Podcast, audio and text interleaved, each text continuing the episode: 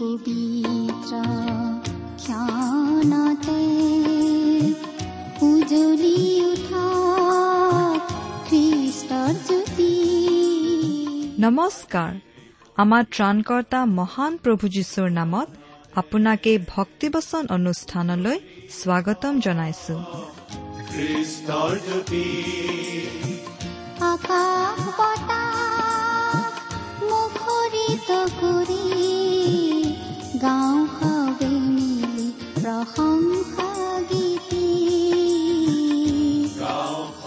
এয়া মুকলি কৰিছো। ঈশ্বৰৰ জীৱিত বাক্যৰ ধাৰাবাহিক অনুষ্ঠান ভক্তি বচন।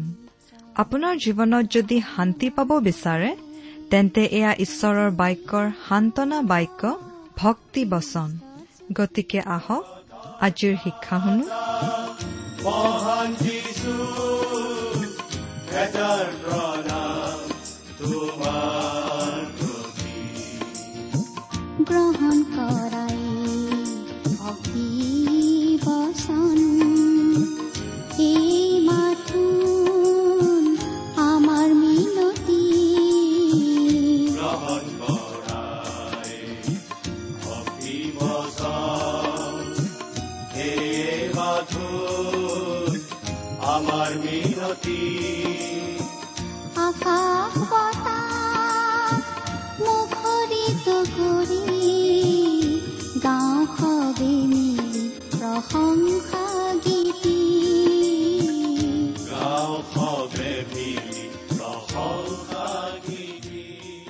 আমাৰ পৰম পবিত্ৰ প্ৰভু যীশুখ্ৰীষ্টৰ নামত নমস্কাৰ প্ৰিয় শ্ৰোতা। আশা কৰো মহান পিতা পৰমেশ্বৰৰ মহান অনুগ্ৰহত আপুনি ভালে কুশলে আছে। লগতে আমি এই বুলিও আশা কৰিছো যে আপুনি আমাৰ এই ভক্তিপচন অনুষ্ঠানটো নিয়মিতভাৱে শুনি আছে। এই অনুষ্ঠান শুনি আপুনি বাৰু কেনে পাইছে? অনুষ্ঠান সম্বন্ধে আপোনাৰ মতামত আদি জনাই আমালৈ চিঠি পত্ৰ লিখিবচোন। অনুষ্ঠান সম্বন্ধে কিবা জানিবলগীয়া কথা থাকিলে বা এই অনুষ্ঠানৰ যোগেৰে প্ৰচাৰ কৰা কোনো কথা অধিক জানিব বুজিবলগীয়া থাকিলে আমালৈ আপোনালোকে চিঠি লিখি জনাব পাৰে। আমাৰ যোগাযোগৰ ঠিকনা ভক্তিবচন টি ডব্লিউ আৰ ইণ্ডিয়া ডাক বাকচ নম্বৰ সাত শূন্য গুৱাহাটী সাত আঠ এক শূন্য শূন্য এক।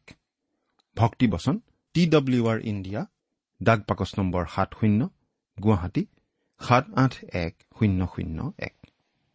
আমাৰ website W W W dot radio' eight eight two dot com প্ৰিয় শ্ৰোতা আপুনি আমাৰ এই ভক্তিবচন অনুষ্ঠানটো নিয়মিতভাৱে শুনি আছেনে?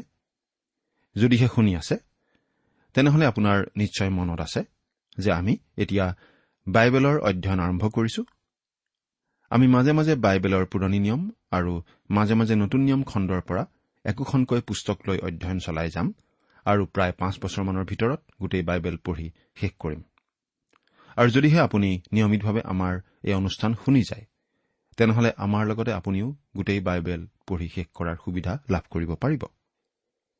বাইবেলৰ অধ্যয়ন আৰম্ভ কৰাৰ আগতে আমি কেইটামান অনুষ্ঠানত বাইবেলৰ বিষয়ে চমু পৰিচয় আগবঢ়াইছো। আগৰ পাঁচটা অনুষ্ঠানত আমি এনে পৰিচয় আগবঢ়ালো। আৰু দুটামান দৰকাৰী কথাৰ ওপৰত বিশেষ আলোচনা আগবঢ়াইছিলো। আজিও আমি তেনেধৰণৰ কথা আলোচনা কৰিবলৈ ওলাইছো। আহকচোন। আজিৰ বাইবেল অধ্যয়ন আৰম্ভ কৰাৰ আগতে খন্তেক প্ৰাৰ্থনাত মূৰ দুৱাওঁ। আমি প্ৰাৰ্থনা কৰো। হে আমাৰ স্বৰ্গত থকা মৰমীয়াল পিতৃ ঈশ্বৰ তোমাক ধন্যবাদ জনাওঁ কাৰণ তোমাৰ মহান বাক্য বাইবেল শাস্ত্ৰ অধ্যয়ন কৰিবলৈ তুমি আমাক আকৌ এটা সুযোগ দান কৰিছা। তোমাক শতকোটিবাৰ ধন্যবাদ জনাওঁ কাৰণ তুমি তোমাৰ একেজাত পুত্ৰ যীশুখ্ৰীষ্টৰ জৰিয়তে আমালৈ অনন্ত জীৱনৰ আশীৰ্বাদ বিনামূল্যে আগবঢ়াইছা। এতিয়া আহা পিতা তোমাৰ বাক্য তুমি আমাক বুজাই দিয়া। তোমাৰ মাত আমাক শুনিবলৈ দিয়া। আমাৰ মৰমৰ শ্ৰোতাসকলক তুমি উপচি পৰাকৈ আশীৰ্বাদ কৰা। কিয়নো এই প্ৰাৰ্থনা আমাৰ মহান ত্ৰাণকৰ্তা প্ৰভু যীশুখ্ৰীষ্টৰ নামত আগবঢ়াইছো। আমেন।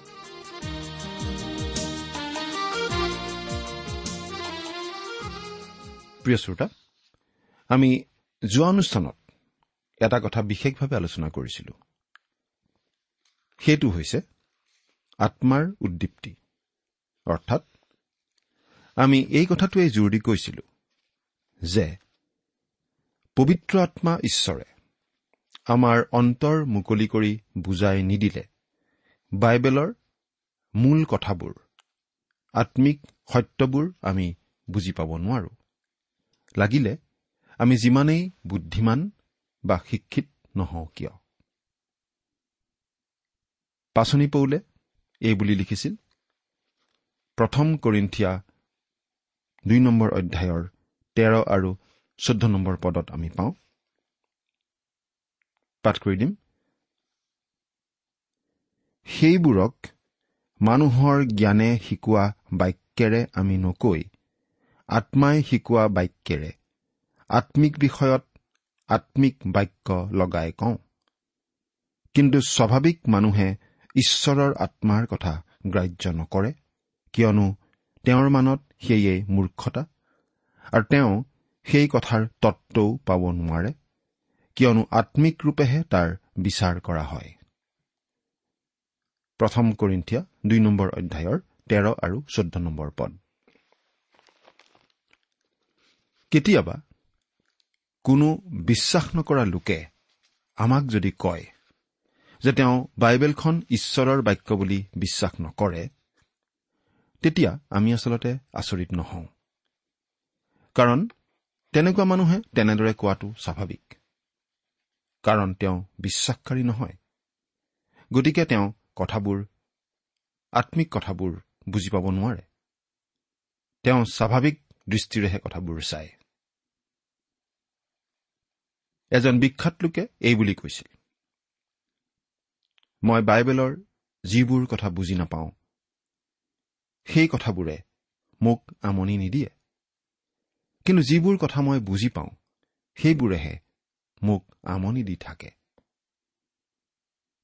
সেই মানুহজন অৱশ্যে খ্ৰীষ্টীয় বিশ্বাসী নাছিল। আচলতে বিশ্বাস নকৰা লোক এজনে বুজি পাব পৰা বহুতো কথা বাইবেলখনত আছে। আৰু এই কথাবোৰেই আচলতে বাইবেলখন ঈশ্বৰৰ বাক্য বুলি গ্ৰহণ কৰাৰ পৰা তেওঁলোকক আঁতৰাই ৰাখে। কাৰণ ঈশ্বৰৰ বাক্য বুলি মানি ললেই যে তেওঁলোকে ইতিমধ্যে বুজি পোৱা কথাবোৰো মানিব লাগিব। এজন বিখ্যাত বিজ্ঞানীয়ে এই বুলি মন্তব্য কৰিছিল। মানুহৰ প্ৰতি ভাল পোৱা জন্মিবলৈ হলে মানৱীয় জ্ঞান বুজি পাব লাগিব। কিন্তু ঐশ্বৰিক জ্ঞান বুজি পাবলৈ হলে আগতে ঐশ্বৰিক জ্ঞানৰ প্ৰতি আমাৰ অন্তৰত ভাল পোৱাৰ ভাৱটো থাকিব লাগিব। আত্মাৰ উদ্দীপ্তিৰ কথাটো আমি ইমানতেই সামৰিব খুজিছো। কিন্তু তাৰ আগতে আমি আকৌ দোহাৰিব খুজিছো যে খ্ৰীষ্টক চিনি পাবলৈ তেওঁক গ্ৰহণ কৰিবলৈ আৰু তেওঁক আপোনাৰ ব্যক্তিগত ত্ৰাণকৰ্তা হিচাপে বিশ্বাস কৰিবলৈ একমাত্ৰ ঈশ্বৰৰ আত্মাইহে আপোনাৰ মন আৰু হৃদয় মুকলি কৰি দিব পাৰে। অতি মনোমোহা কথা। এজন বিখ্যাত বাইবেল শিক্ষকে এই বুলি কৈছিল মই যেতিয়া বাইবেলৰ পৰা শিক্ষা দিবলৈ পুলপিতত থিয় হওঁ তেতিয়া সদায় অতি অসহায় অনুভৱ কৰোঁ কাৰণ মই কাকো খ্ৰীষ্টীয় বিশ্বাসলৈ আনিব নোৱাৰো। কিন্তু মই দুৰ্বল অনুভৱ কৰোঁ কিন্তু লগতে অতি শক্তিশালী অনুভৱ কৰোঁ। মই নিজক লৈ শক্তিশালী অনুভৱ নকৰোঁ। কিন্তু ঈশ্বৰৰ আত্মাই যে মোৰ মৃত কৰ্মকেই জীৱন্ত আৰু বাস্তৱ কৰি তুলিব পাৰে সেই কথা মনত পেলাইহে মই শক্তিশালী অনুভৱ কৰোঁ। আত্মাৰ উদ্দীপ্তিৰ পাছৰ বিষয়টো হৈছে ব্যাখ্যাকৰণ ইণ্টাৰপ্ৰিটেশ্যন অৰ্থাৎ আমি ঈশ্বৰৰ বাক্য কি ধৰণে আৰু কেনেকৈ ব্যাখ্যা কৰোঁ বা কৰা উচিত? আচলতে এই ব্যাখ্যাকৰণত পাৰ্থক্য থকা কাৰণেই আমি খ্ৰীষ্টীয় বিশ্বাসীসকলৰ মাজত বেলেগ বেলেগ গোট দেখা পাওঁ। সকলোৰে ব্যাখ্যা একে নহয় আৰু কোনো কোনোৱে ভুলকৈ ব্যাখ্যা কৰে। বাইবেলৰ ব্যাখ্যা কৰিবলৈ যাওঁতে আমি কেইটামান গুৰুত্বপূৰ্ণ নিয়ম মানি চলিব লাগে। প্ৰথমতেই আমি চাব লাগিব বাইবেলখনৰ সামগ্ৰিক উদ্দেশ্যটো কি সেই কথা। সেইকাৰণেই আমি গোটেইখন বাইবেলৰ অধ্যয়ন আগবঢ়াওঁ। কাৰণ কোনো এটা বিশেষ পদৰ ব্যাখ্যা আগবঢ়াই এটা দৃঢ় সিদ্ধান্তত উপনীত হোৱাৰ আগতে আমি গোটেই বাইবেলখনৰ সামগ্ৰিক ধাৰণা এটা পাবই লাগিব। গতিকে কোনো এটা বিষয়ৰ ওপৰত কিবা এটা মত গ্ৰহণ কৰিবলৈ হলে তাৰ সৈতে জড়িত গোটেইবোৰ শাস্ত্ৰ পদ আমি চাব লাগিব। দ্বিতীয়তে আমি চাব লাগিব কোনো এটা বিশেষ শাস্ত্ৰপদ কাক উদ্দেশ্য কৰি কোৱা হৈছে সেই কথা। উদাহৰণস্বৰূপে তাহানি ঈশ্বৰে যীহুচোৱাক এই বুলি কৈছিল। যীহুচোৱা এক নম্বৰ অধ্যায়ৰ দুই নম্বৰ পদ। মোৰ দাস মুচিৰ মৃত্যু হল। এতেকে তুমি এতিয়া উঠা। এই সকলো লোকেৰে সৈতে মই যি দেশ ইছৰাইলৰ সন্তানবিলাকক দিছো সেই জৰ্দন পাৰ হৈ সেই দেশলৈ যোৱা। এতিয়া যদি আপুনি বা মই সেই দেশলৈ গৈ জৰ্দন নদী পাৰ হওঁ তেনেহলে আমি সেই শাস্ত্ৰপদ ফলিওৱাৰ কাৰণে নদীখন পাৰ হোৱাটো নুবুজাব। আৰু আমি এই বুলিও ক'ব নোৱাৰিম বাহ মই ঈশ্বৰৰ আজ্ঞা পালন কৰি জৰ্দন নৈ পাৰ হলো। নাই। এই পদটো পঢ়িলে আমি বুজি পাওঁ যে ঈশ্বৰে যীহুচোৱাক সেই সময়ত সেই আজ্ঞাটো দিছিল। সেইখিনি কথা তেওঁ যীহুচোৱাকহে কৈছিল। কিন্তু তাৰ মাজত আমাৰ বাবে আজি বিশেষ শিকিবলগীয়া কথা আছে। গতিকে গোটেই শাস্ত্ৰখন মোৰ বা আপোনাৰ লাভৰ বাবে কিন্তু প্ৰতিটো পদত আমি পালন কৰিবলগীয়া কথা নাথাকিবও পাৰে। গতিকে এই নীতিটো আমি মনত ৰখা উচিত। তৃতীয়তে কোনো এটা শাস্ত্ৰপদৰ ঠিক আগৰ আৰু ঠিক পাছৰ প্ৰসংগটো আমি চাব লাগে। অৰ্থাৎ শাস্ত্ৰাংশখিনিয়ে কি কৈছে? একে বিষয়ত শাস্ত্ৰৰ আন অংশত কি কৈছে আমি সেইটোও চাব লাগে। চতুৰ্থতে আমি চাব লাগে মূল শাস্ত্ৰত কি কোৱা আছে সেই কথা। আমি মূল ইব্ৰী আৰু গ্ৰীক ভাষাৰ বাইবেল পঢ়িব নোৱাৰিলেও আমেৰিকান ষ্টেণ্ডাৰ্ড ভাৰ্চন যদি পঢ়ো তেতিয়া প্ৰায় মূল কথাখিনিয়েই পঢ়াৰ নিচিনা হয়। প্ৰভু যীশুখ্ৰীষ্টই কি কৈছিল? সঠিক সেইখিনিয়েই পঢ়াৰ নিচিনা হয়। বহুতো নতুন নতুন অনুবাদ বা ভাৰ্চন ওলাই আছে। তাত নিশ্চয় বহুতো ভাল কথা আছে। কিন্তু আমি সেইবোৰৰ উপৰিও মূল শাস্ত্ৰত কি হিচাপে কথাখিনি আছে সেইটো পঢ়িব পাৰিলে ভাল। যিহেতু বাইবেল ব্যাখ্যা কৰাৰ ক্ষেত্ৰত বিভিন্ন দলৰ মাজত মতৰ অমিল থাকিব পাৰে গতিকে কোনো এটা বিশেষ দলে বাইবেলখন অনুবাদ কৰোঁতে তেওঁলোকৰ ব্যাখ্যাৰ লগত খাপ খোৱা ধৰণে কথাখিনি অনুবাদ কৰিবলৈ চেষ্টা কৰিব পাৰে। গতিকে কোনো আধুনিকতাবাদী দলে যদি বাইবেলখন অনুবাদ কৰে তেনেহলে তেওঁলোকে অনুবাদ কৰা বাইবেলত আমি অলপ আধুনিকতাৰ সোৱাদ পাব পাৰোঁ। আনহাতে অতি সংৰক্ষণশীল গোট এটাই যদি বাইবেলখন অনুবাদ কৰে তেনেহলে আমি তাত তেওঁলোকৰ পক্ষে ব্যাখ্যা আগবঢ়োৱা ধৰণে কথাখিনি পোৱাৰ সম্ভাৱনা থাকে। নহয় জানো? কিন্তু প্ৰথমতে যিসকল লোকে ইংৰাজী ভাষালৈ বাইবেলখন অনুবাদ কৰিছিল তেওঁলোকৰ মনত তেনে ভাৱ নাছিল। তেওঁলোকে বাইবেলখন ঈশ্বৰৰ বাক্য বুলি বিশ্বাস কৰি সেইমতেই হুবহু অনুবাদ কৰিছিল। যদিহে তেওঁলোকে অনুবাদ কৰিব নোৱাৰা ধৰণৰ কিবা শব্দ আছিল তেনেহলে সেই শব্দবোৰ তেনে হিচাপতে তেওঁলোকে ৰাখি থৈছিল। উদাহৰণস্বৰূপে আব্বা অৰ্থাৎ পিতৃ বাপ্তিজ অৰ্থাৎ বাপ্তিস্ম। এনেকুৱা কিছুমান শব্দ তেওঁলোকে অনুবাদ নকৰি একেধৰণে ৰাখি থৈছিল। আধুনিক অনুবাদবোৰত এটা বিপদ এইয়ে যে অনুবাদবোৰ অলপ আকুৰগোজ মনোভাৱ লৈ কৰা হয়। অনুবাদ কৰোতাজনে বেলেগ এটা ভাষাৰ কথাখিনি আন এটা ভাষাত সমাৰ্থকভাৱে লিখিব পাৰিব লাগিব। পাৰিলে একেধৰণৰ শব্দ বা সূত্ৰ ব্যৱহাৰ কৰিব পাৰিলে ভাল। কিন্তু বেছিভাগ আধুনিক অনুবাদকেই কথাবিলাক আধুনিক প্ৰচলিত ভাষাত লিখিবলৈহে বেছি চেষ্টা কৰা দেখা যায়।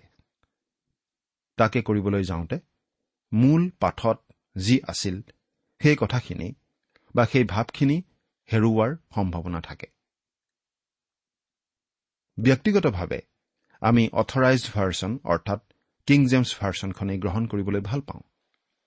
আৰু নিউ স্কফিল্ড ৰেফাৰেন্স বাইবেলখনে অথৰাইজ ভাৰ্চনখনৰ প্ৰয়োজনীয় শুধৰণি আদি কৰাৰ ক্ষেত্ৰত যথেষ্টখিনি আদৰণীয় পদক্ষেপ লৈছে বুলি ক'ব পাৰি। সেই ভাৰ্চনৰ বাইবেলখনো আমি গ্ৰহণযোগ্য বুলিয়েই কওঁ। অৱশ্যে আমি বেলেগ ভাৰ্চনবোৰত ভুল কথা থকা বুলি ক'ব খোজা নাই নাইবা বাইবেলখন সলনি কৰি পেলোৱা হৈছে বুলিও ক'ব খোজা নাই। কিন্তু মূল পাঠৰ যি ভাৱ সেইটোহে শুদ্ধ ৰূপত পাবলৈ হলে এই ভাৰ্চনকেইটা পঢ়া ভাল বুলি আমি ক'ব খুজিছো। মানুহৰ ব্যক্তিগত পচন্দ অৱশ্যে বেলেগ বেলেগ থাকে।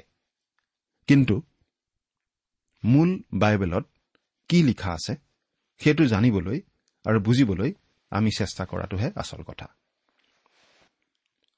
বাইবেল ব্যাখ্যা কৰাৰ ক্ষেত্ৰত আমি মানিবলগীয়া পঞ্চমটো নীতি এইয়ে যে আমি বাইবেলখন আক্ষৰিক অৰ্থত ব্যাখ্যা কৰিব লাগে। কথাটো আকৌ কৈছো। আমি বাইবেলখন আক্ষৰিক অৰ্থত ব্যাখ্যা কৰিব লাগে। এজন বিখ্যাত পণ্ডিতে এই বুলি মন্তব্য কৰিছিল। যেতিয়া শাস্ত্ৰৰ সৰল অৰ্থই আমি বুজি পোৱা সৰল কথাৰ সৈতে খাপ খায় তেতিয়া আমি আৰু বেলেগ একো অৰ্থ বিচৰা উচিত নহয়। গতিকে প্ৰতিটো শব্দ তাৰ মূল সাধাৰণ সচৰাচৰ হোৱা আক্ষৰিক অৰ্থতেই আমি ল'ব লাগে।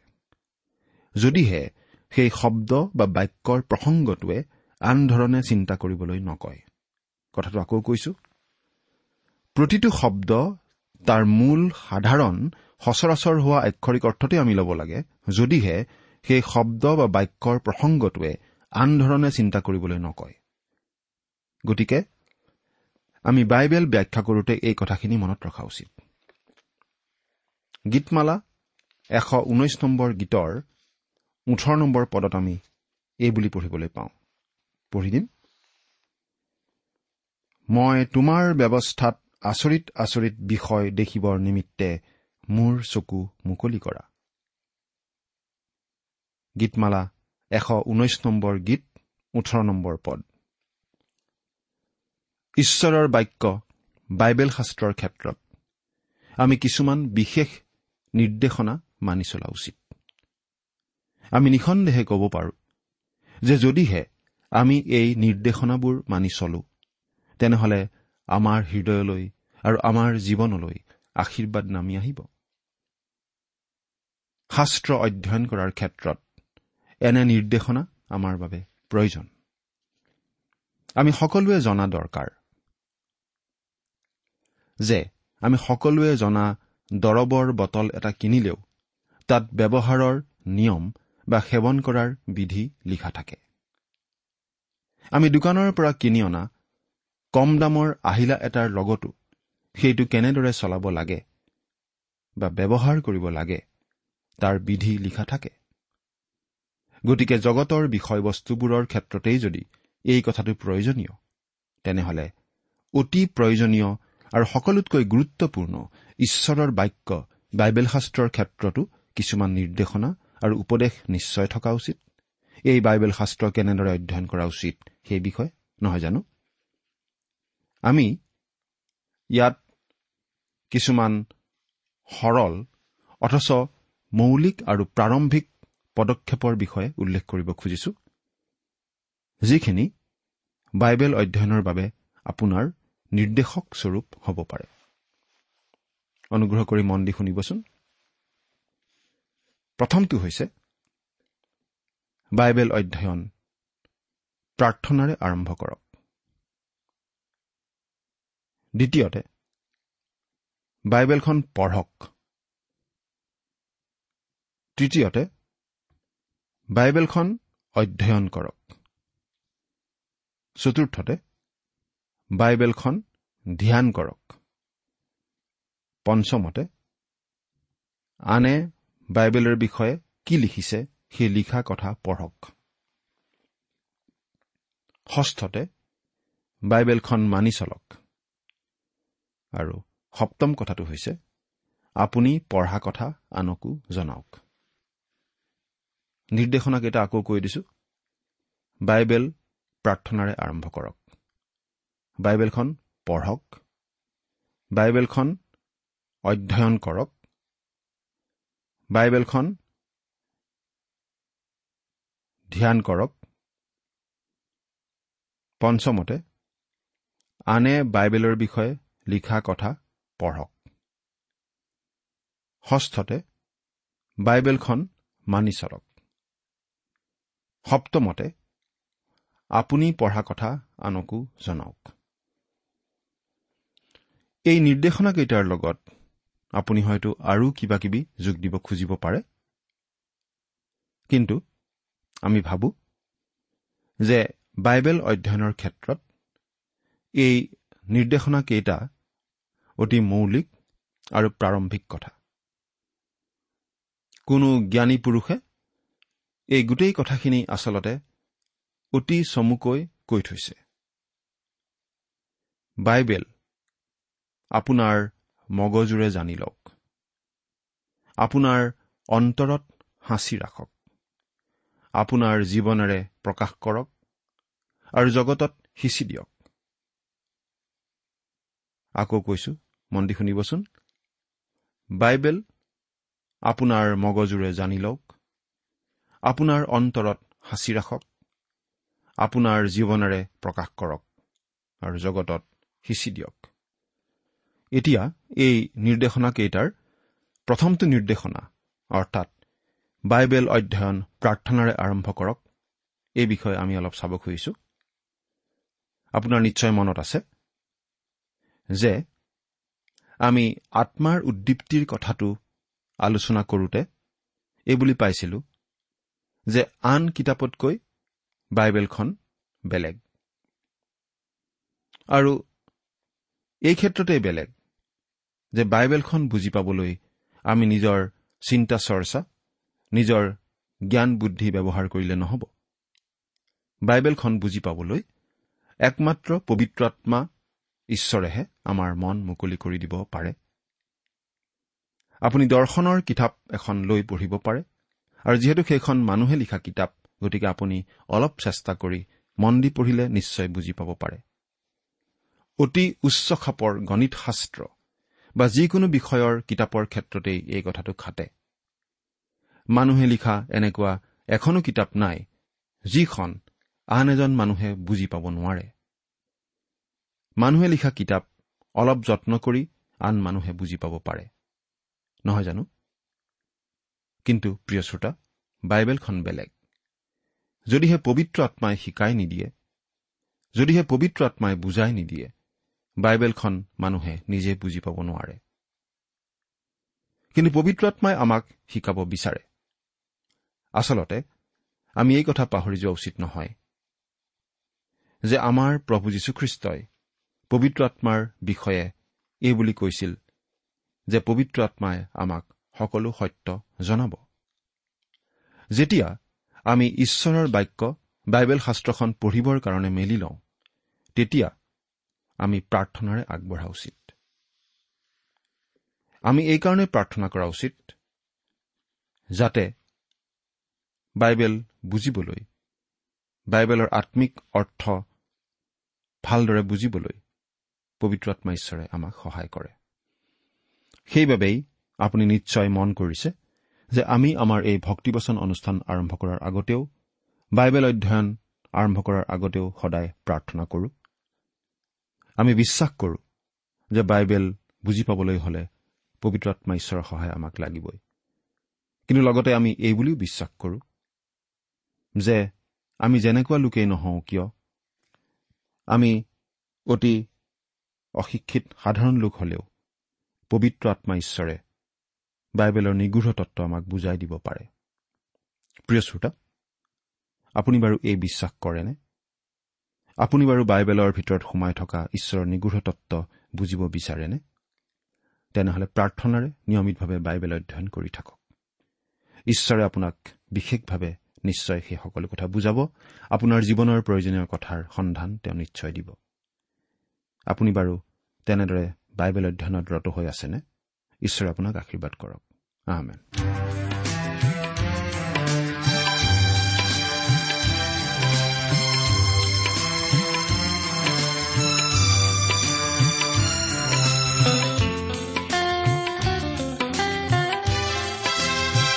দূৰ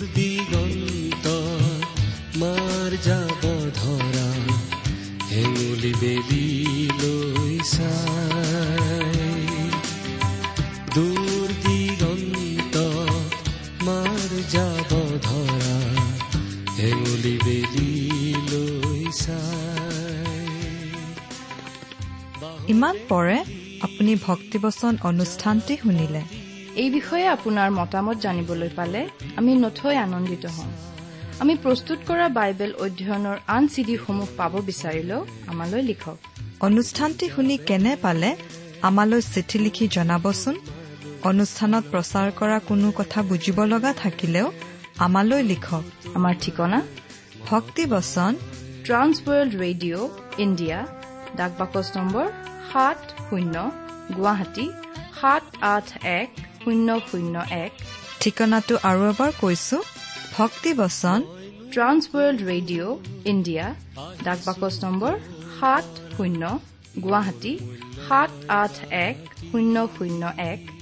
আমাৰ ইমেইল এড্ৰেছটো হৈছে S M is T T B at the rate radio' eight eight two dot com আমাৰ website W W W dot T W R dot in আপুনি টেলিফোনৰ মাধ্যমেৰেও আমাক যোগাযোগ কৰিব পাৰে। আমাৰ টেলিফোন নম্বৰটো হৈছে শূন্য তিনি ছয় এক দুই ছয় শূন্য চাৰি ছয় সাত এক। ফোন নম্বৰটো আকৌ এবাৰ কৈছো zero' three six one two six zero' four six seven one. আজিৰ অনুষ্ঠানটি ইমানতেই সামৰিছো। ঈশ্বৰৰ শান্তি আৰু অনুগ্ৰহ আপোনাৰ লগত থাকক। ধন্যবাদ।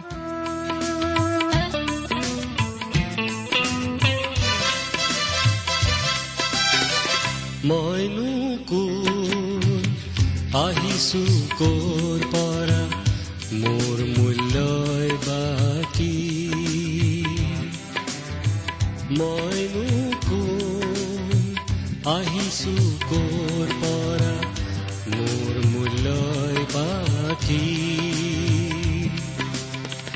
দিনে নিশাই মোৰ ঘমুৱা জীৱনৰ অৰ্থনো কি? অলেখ চিন্তাই মোক আগুৰি ধৰে প্ৰভু তোমালৈ মনত পৰে। প্ৰভু তোমালৈ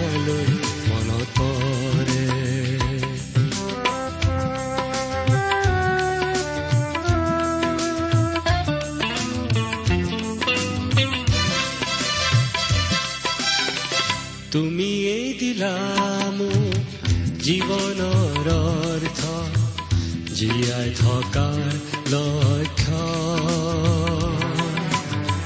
তুমিয়েই দিলা মোক জীৱনৰ অৰ্থ। জীয়াই থকাৰ লক্ষ্য। এই জীৱনৰ সিপাৰে থকা অনন্ত জীৱনৰ বাক্য। উপচে মোৰ কৃতজ্ঞতাৰে প্ৰভু তোমালৈ মনত পৰে। প্ৰভু তোমালৈ মনত পৰে। দূৰ দিগন্ত মাৰ যাব ধৰা হেঙুলি বেলি লৈ চাই। দূৰ দিগন্ত ধূলি বেলিলৈ চাই। বাহলে বুলি জাক পাতি উৰা বিহংগৰ বিললৈ চাই। হৃদয় উঠলে বহু যাবে প্ৰভু তোমালৈ মনত